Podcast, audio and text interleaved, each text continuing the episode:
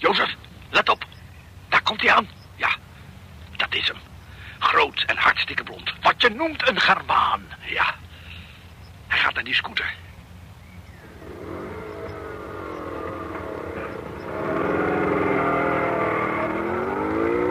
Nee, nee, nog niet starten, Jozef. Laten we even wachten. Hij mag hoegenaamd geen argwaan krijgen.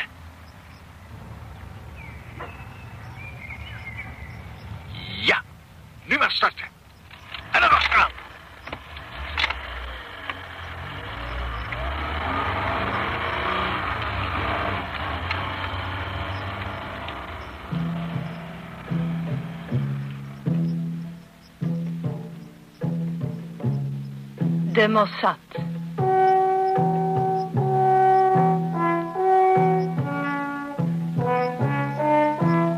Een hoorspelserie naar gegevens uit het gelijknamige boek over een spectaculaire actie van de Israëlische geheime dienst.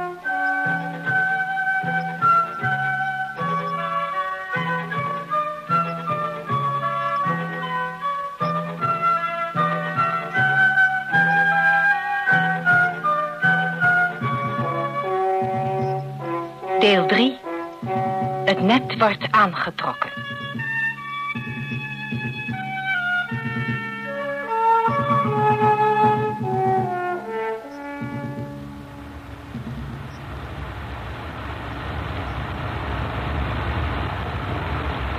Niet te direct erop, Jozef. Dan raken we misschien kwijt. Dan raken we hem maar kwijt. Dan proberen we het morgen weer. Ik wil onder geen beding dat hij in de gaten krijgt dat hij Ja, gevolgd dat wordt. begrijp ik, maar Zie je hem nog? Hij staat voorgesorteerd bij dat stoplicht. Hij gaat linksaf. Daar kun je mooi achter gaan staan. Ben je nu niet al te voorzichtig, Efraïm? Hij heeft toch geen enkel idee? Nee, nu nog niet. Maar we moeten hem op geen enkele manier op het idee brengen. Hij weet drommels goed waarom zijn ouders in Argentinië wonen en niet in Duitsland. Talrijke oud-nazi's wonen gewoon in Duitsland en hebben daar zelfs weer vooraanstaande posities. Maar zijn vader blijft in Argentinië.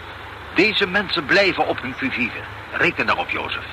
En krijgen ze argwaan, dan verdwijnen ze. Zuid-Amerika is groot en in nagenoeg elk Zuid-Amerikaans land kunnen ze onderduiken. En zoek ze dan maar weer eens op. Je hebt gelijk. Daar gaat hij weer. We gaan naar beneden. Hoe heet het hier, Jozef? Dit is de wijk Fernando. San Fernando. San Fernando. Let op, hij gaat rechtsaf. Het licht springt op oranje. Moet ik doorrijden? Ja, ja, rij maar door. Ja, sorry mensen. Hé, ik zie hem niet meer. Misschien woont hij in deze straat. Even goed uitkijken naar die scooter.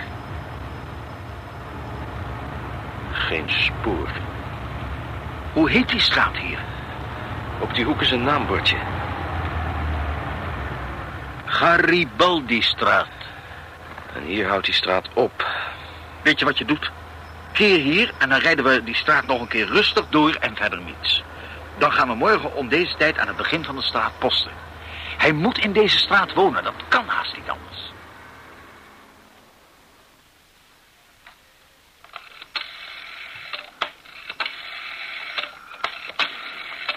Inlichtingen. Goedemiddag, juffrouw.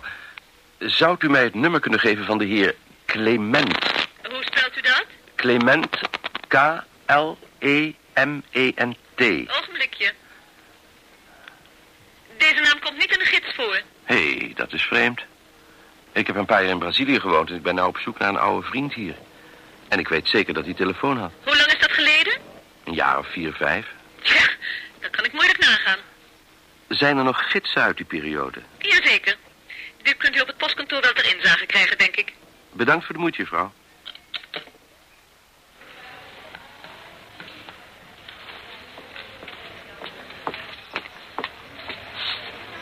Wat kan ik voor u doen, meneer? Ik zou graag een oude telefoongids inzien. Zou dat gaan? Van welk jaar?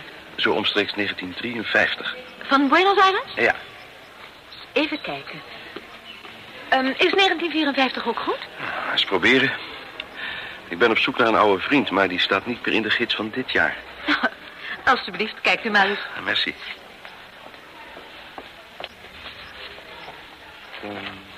Kijk. Kus. Alsjeblieft. Daar staat hij. Ricardo Clement. Laat ik hem nou gevonden hebben. Hebt u een pennetje voor me, mevrouw? Nou, dat is mooi. Alsjeblieft. Dank u. Ricardo Clement. Wasserij. Avenida Carba 15. Olivos. Aha. Olivos. In die wijk lag de Chacabuco-straat ook. Zeer bedankt, mevrouw. Tot uw dienst, meneer. Het komt hier doen, meneer. Het is hier toch Avenida Carba 15? Ja, hoezo? Ik ben vertegenwoordiger van een Amerikaanse firma. Met een nieuw soort waspoeder. Ja. En volgens mijn gegevens zou hier een wasserij zijn. Nou, dat klopt in zoverre. Er is hier een wasserij geweest. Van Clement. Dat weet ik niet. Want die wasserij was al failliet toen ik hier kwam werken. Ja, de baas had het altijd over die Duitser.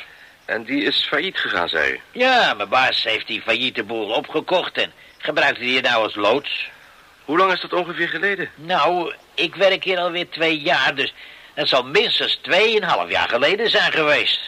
En heeft die man nu ergens anders een wasserij? Ja, dat zou ik echt niet weten, meneer. Nou, bedankt in elk geval. Ja, tot uw dienst.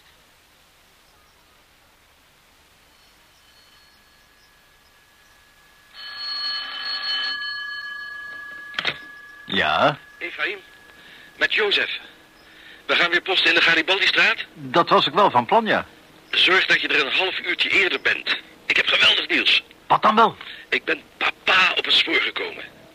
Ik wil nog even iets uitzoeken en dan kom ik rechtstreeks naar de Garibaldi-straat. Hoe laat ben je daar dan? Eh, laten we zeggen om half zes. Uitstekend. Tot straks.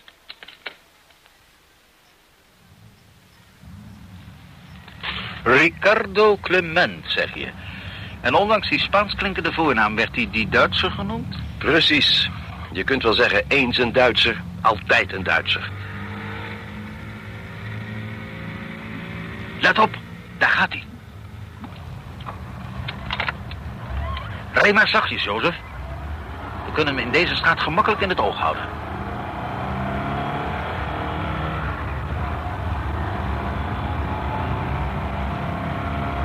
Hij stopt. Wij ook. Hij duwt het hek open en duwt de scooter naar binnen. Ja. Rij nu gewoon langs het huis. Mooi zo. Hij ging juist het huis binnen en hij gebruikte een sleutel. Dus Clement junior woont hier. Wat doen we nu? Het liefst zou ik hier dag en nacht posten, maar dat is niet mogelijk. Ik zou zeggen, rij maar even om naar die brede avenida... en dan wil ik iets eten en dan kunnen we de zaak eens even rustig op een rijtje zetten.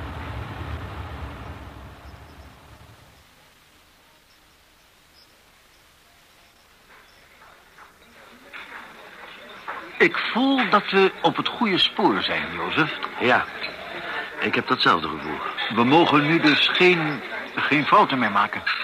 Die straat is weliswaar niet zo stil, maar postende mensen. Zoiets wat gauw op hoor. Nou, in elk geval rijd ik elke dag een paar keer door die straat... en dan neem ik elke dag een andere huurauto. Ik wandel een paar keer voorbij het huis. En elke dag kleed ik me anders. Nou, een goed idee, Jozef. Ja, dat kun je doen. Ik ben bezig met de constructie van een fototoestel... gemonteerd in een aktentas. Ongemerkt en zonder naar het huis te hoeven kijken... kunnen we dan foto's maken. Na elke foto schuift het filmrolletje automatisch op. Je kunt wel 30 foto's achter elkaar schieten. Uitstekend, Efraïm. Wanneer denk je dat klaar te hebben? Nou, wat dacht je? Vannacht natuurlijk. Morgen gaan we al ombeurten mee op stap. We moeten zo gauw mogelijk te weten zien te komen weer in dat huis wonen. Ik weet aan een oude vrachtwagen te komen die met een zeildoek is overspannen. Die kunnen we best bijvoorbeeld een weekend schuin tegenover dat huis plaatsen. Daar is zo'n parkeerplaatsje. En in dat zeil maken we dan een paar kijkgaatjes. Daar kun je ook de fotograferen. Uitstekend, Jozef, uitstekend. Nou, zullen we dan nu maar afrekenen? Het lijkt wel of je haast Dat heb ik ook, Jozef, dat heb ik ook. Ik wil eerst nog even langs het huis rijden... en dan gauw aan de slag met mijn fototoestel.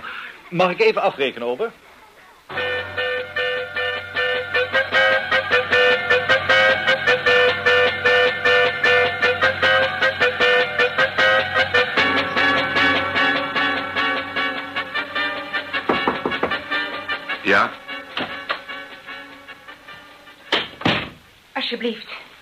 Post uit Buenos Aires.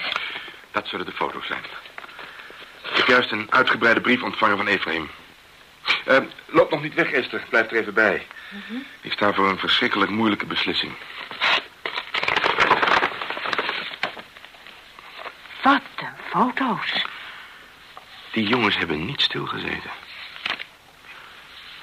In dit huis zou Eichmann volgens hen dus wonen. Hier. Op de achterkant staat Eichmanns vrouw. Laat eens kijken. Tja. Zij twijfelen geen moment meer. Maar het zou heel goed kunnen. Hoe oud is ze nu? Omstreeks de 45. En ze had donker haar. Dat klopt dus wel. Ook een typisch Duits gezicht, hè? Tja. Tja. We moeten de zaken eens op een rijtje zetten. Ik wil Nathan erbij hebben. Nathan, met Isser. Ik wou dat je even bij me kwam. Ik sta voor een grote beslissing. Kijk, deze figuur zou Eichmann zijn. Hier. Niet erg duidelijk, maar... Hij komt altijd in de schemering thuis, schreven ze me. Maar volgens die contouren... Een behoorlijk kalende man... Ruim 1,70 meter... Slank postuur... Omstreeks 50 jaar... Dat klopt. Dag, chef. Daar zit Nathan. En denk eens even met me mee. Eh, vanaf het begin recapitulerend. Eh, het gaat over Eichmann. We kregen bericht van een Joods advocaat in Frankfurt, een zekere Bauer... dat hij een gesprek wil hebben over de verblijfplaats van Eichmann. Eichmann zou dus nog leven. Het blijkt dat een relatie van Bauer in Buenos Aires... aan hem het adres heeft gegeven... waar de familie Eichmann zich zou ophouden. In Buenos Aires. In Buenos Aires. Hoe wist hij dat zo zeker? Daar kom ik dadelijk op. Als eerste stuur ik daar Ruben Gorel op af. Hij benadert omzichtig het huis. Komt erachter dat het huis uitsluitend wordt bewoond door een familie Schmid. En die Schmid, een Oostenrijker, kan onmogelijk Eichmann zijn. Wegens de taalbarrière komt Ruben niet verder en ik roep hem terug. Heeft Ruben dan geen contact opgenomen met de zegsman van die bouwer? Dat kon hij niet, want die naam wilde Bauer aanvankelijk absoluut niet prijsgeven. Ah, juist. Ehm, eh, wat was de volgende stap? Jij bent toen weer naar Bauer toegegaan... en hebt hem geprest de naam van die zegsman openbaar te maken. Eh, je zegt het iets te sterk, maar eh, het komt er wel op neer. Ik kreeg toen het adres van een oude advocaat in Buenos Aires, Herman, met een introductiebrief. Daarmee heb ik Ephraim naar Buenos Aires gestuurd. Nou, wat blijkt nou de aanleiding te zijn geweest? De dochter van die Herman, overigens zijn achternaam, had een jonge man ontmoet waar ze een beetje mee gescharreld heeft. En die had zich voorgesteld als Nico Eichmann. Die Herman is een Duitser? Ja, maar al in de dertiger jaren uit Duitsland gevlucht omdat hij een Joodse moeder had. De naam Eichmann zei zijn dochter niets, maar de vader des te meer. Goed, die scharrel raakte uit. Ja, mede omdat de jongen er uitgesproken antisemitische denkbeelden op nahield. Precies. En die jongen had ook nog gezegd dat zijn vader een hoge positie had gehad in Hitler-Duitsland. Ephraim, samen met een student, Jozef Tal, die in Buenos Aires studeert en vloeiend Spaans spreekt, pakt de zaak grondig aan. Wacht eens. Dat meisje wist dus waar die Eichmann woonde. Juist. In zoverre is er, als ik het tenminste goed begrepen heb... dan heeft die jonge Eichmann zijn adres nooit aan haar gegeven. Maar toen het al uit was, heeft ze hem een adres binnen zien gaan. Je hebt gelijk. Die jongen had gezegd dat hij bij zijn ouders woonde... en hij ging met een sleutel dat huis binnen. Dus dat meisje trok toen de conclusie dat de familie Eichmann daar woonde. Nou, op zichzelf niet onlogisch. Maar leeft Eichmann daar dan onder zijn eigen naam? Dat was vanaf het begin het zwakke punt, Nathan. Daarom stond ik er aanvankelijk er sceptisch tegenover. Maar dat bleek niet zo te zijn. Dat bleek dus inderdaad niet het geval... en we nemen nu dan ook aan dat die zoon zich min of meer versproken heeft. Herman, Eichmann, dat rijmde en daar hebben ze nog om gelachen. Maar om nou in het kort verder te gaan... Ephraim en Jozef komen erachter dat op dat adres kort geleden nog een andere familie had gewoond. Ze komen achter de naam Clement. Ze komen erachter dat de zoon nog in de buurt werkt... Ze ontdekken die zoon, volgen hem en komen zo achter diens huidige adres. Met veel kunst en vliegwerk hebben ze dat huis met fototoestellen beschoten. En hier voor je ligt daarvan het resultaat. Kijk, eh, dit zou bijvoorbeeld de vrouw van Eichmann zijn. Qua leeftijd, postuur, kleur haar, zou dat mogelijk zijn. Hier heeft ze een jochie op haar arm. Achter op de foto staat... Zoontje van Eichmann. Hebben een mama horen zeggen. Dat kind moet dan in Argentinië geboren zijn. Ook dat zou kunnen. Waarom niet? Die vrouw is rond de 45. En dit is Eichmann. Niet duidelijk, maar niets wijst erop dat het hem niet zou kunnen zijn. De legpuzzel past dus. Ja, voor zover wij over de stukjes beschikken... kunnen ze in elkaar geschoven worden. Maar het totaalbeeld ontbreekt nog. Weet je wat het is, Nathan? Hm? Als wij overtuigd zijn Eichmann gevonden te hebben... dan zijn wij niet van plan om hem aan de autoriteiten al daar over te leveren. Wij hebben genoeg ervaring met Zuid-Amerikaanse landen om wantrouwig te zijn... daar waar het gaat om berichting van oorlogsmisdadigers. Ik druk me voorzichtig uit, zoals je wel zult merken. Maar we willen hem ook niet ter plekke liquideren. Je wilt hem hier naartoe brengen? Precies. Deze massamoordenaar, die rechtstreeks verantwoordelijk is voor de moord op honderdduizenden Joden, die moet voor het aangezicht van de wereld terechtstaan in de Joodse staat Israël. Volkomen met je eens. Maar dan moet wel aan een aantal dringende voorwaarden worden voldaan. En de eerste voorwaarde is, de identiteit van Eichmann moet voor 100% vaststaan. Om Eichmann van Zuid-Amerika naar Israël te krijgen langs illegale weg... voor mij staat vast dat legaal uitgesloten is... dat zal een hele operatie worden. En zetten wij die operatie in beweging... dan moet voor de volle 100% vaststaan dat wij Eichmann op de korrel hebben. De vraag is, hebben wij die zekerheid? Onze mensen in Argentinië zijn ervan overtuigd. Maar dat is voor mij nog niet genoeg. Op welk bewijs wacht je dan nog? Op het overtuigende bewijs. Een jongeman die gezegd heeft, of liever gezegd zou hebben... dat zijn vader in Duitsland een hoge post heeft bekleed... en die zegt Nico Eichmann te heten. Is dat onomstotelijk de zoon van Eichmann? Het huis waar hij met de sleutel naar binnen gaat... zijn daar dan ook zeker zijn ouders woonachtig? De familie die qua omvang geen aanwijsbare afwijkingen vertoont... ten aanzien van de samenstelling van het gezin Eichmann... is dat dan ook het gezin Eichmann? Nu is er zo opzomt, chef passen de stukjes toch wel wonderlijk goed in elkaar. Ja, dat vind ik ook. Maar dat komt misschien ook wel omdat we graag zien dat ze in elkaar passen. Een jurist zou daar stellig anders over denken. En wij zouden onnoemelijke schade aanrichten als wij ons zouden vergissen.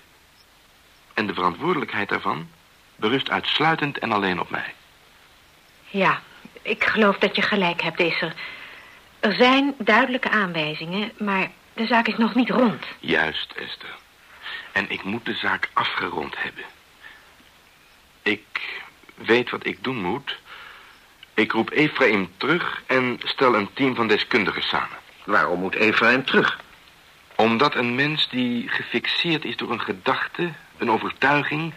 sneller geneigd is de objectiviteit en vooral ook de voorzichtigheid uit het oog te verliezen. Ik zeg niet dat dit ten aanzien van Ephraim het geval is... Maar de kans is niet uitgesloten. En dat wil ik ten koste van alles verhinderen.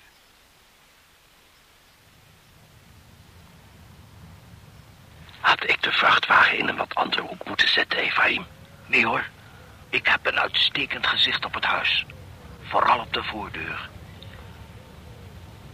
Er is absoluut wat gaande. Er staat weer een auto voor de deur. Kun je fotograferen, Jozef? Jazeker.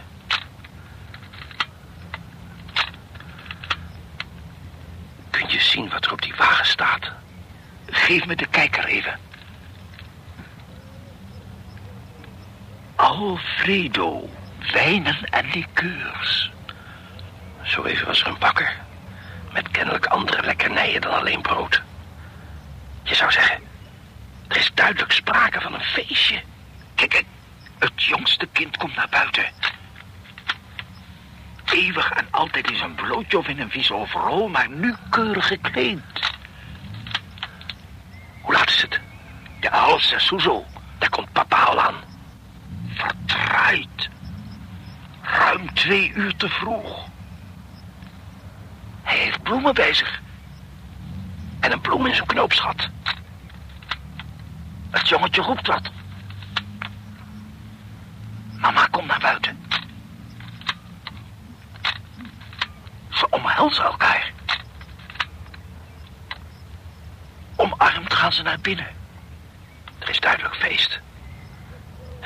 Moet je zien. De achtertuin wordt versierd. Jozef, sluip naar de cabine. En rijd terug naar mijn huis. Uit de dossiers moeten we zien te halen wat er aan de hand is. Van achteren de kust vrij. Ja, rij maar weg.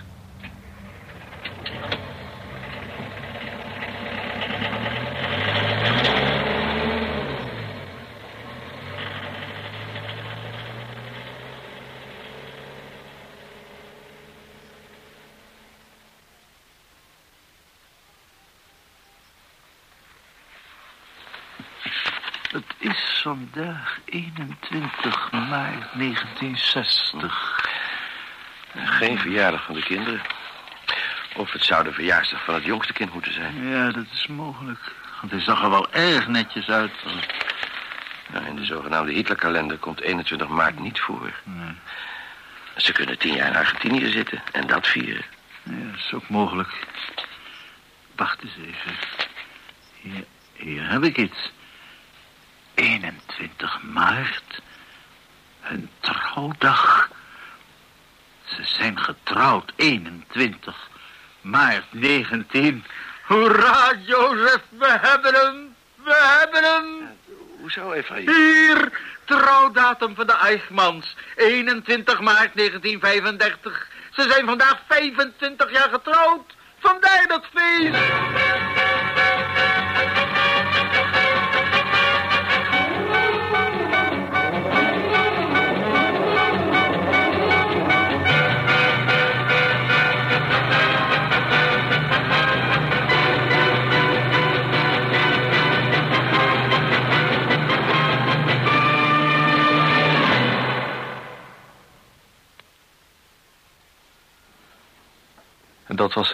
Derde deel van het hoorspel De Zaak Eichmann. Regie Friso Cox. En verder hoorde u de stemmen van Hans Hoekman, Bert Dijkstra, Corrie van der Linden, Beb Westerduin, Louise van Bentem, Frans Vaassen, Kees van Ooyen, Floor Koen en Jan-Willem ten Broeke.